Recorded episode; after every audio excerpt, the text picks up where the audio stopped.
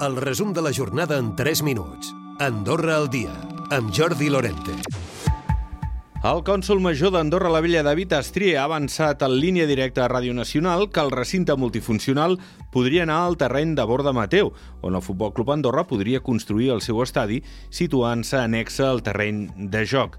Escoltem David Astrier l'estadi de futbol del Futbol Club Andorra pot anar acompanyat d'altres elements al voltant, no? I això és una cosa que es podria treballar amb el propi govern que entri. Llavors m'està dient que el multifuncional podria en un Podria no anar proper... al costat de l'estadi comunal i podria ubicar-se en un altre terreno d'Andorra la Vella, sí. De Borda Mateu? Per exemple. D'altra banda, també ha explicat eh, que l'1 de juny està prevista una sessió de comú on s'acordaria el que és el plec de bases dels pisos a preu assequible per eh, Santa Coloma, que podrien adjudicar-se en vista a l'octubre. El SAS ha desbloquejat el pla de carrera, com preveia el conveni col·lectiu signat l'octubre passat amb el comitè d'empresa. Estava congelat des de feia més de 10 anys. Més de 500 professionals es beneficiaran d'un increment salarial amb efecte retroactius des de l'entrada en vigor del conveni. I el col·lectiu d'infermeria reclama corregir la diferència de salaris entre el sector públic i el privat. També veu necessària la possibilitat de prescriure i administrar productes sanitaris.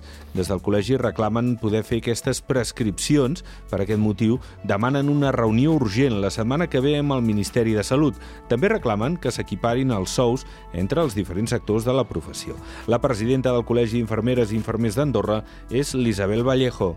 Un greuge comparatiu, per exemple, com pot ser el centre penitenciari on les infermeres estan treballant per, per Ministeri d'Interior i cobren com a funcionàries i en canvi hi ha una infermera que els dona recolzament que és SAS que cobre més per fer la mateixa feina no? i això pensem que no és equitatiu.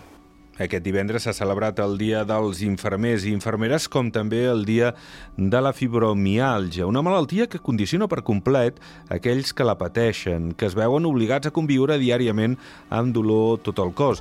És el cas de la Rosy Montero. Un dia fui la de doctora de cabecera y me empezó a tocar puntos en lo que es la, el cuerpo y me dijo es fibromialgia. Y yo me quedé con una palabra que ni la sabía pronunciar.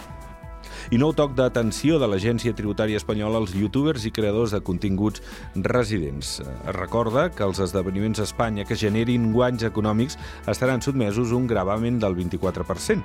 L'assessor fiscal i advocat el Pau Auger en parlava hi ha una nota informativa que fa una precisió específicament de que allò que ja existia també pot existir per a aquells que es desenvolupen mitjançant mitjans tecnològics. En el comunicat, la Hisenda Espanyola aclareix que l'expressió artista inclou actors, músics, així com activitats sorgides de les noves tecnologies. Recupera el resum de la jornada cada dia a AndorraDifusió.d i a les plataformes de podcast.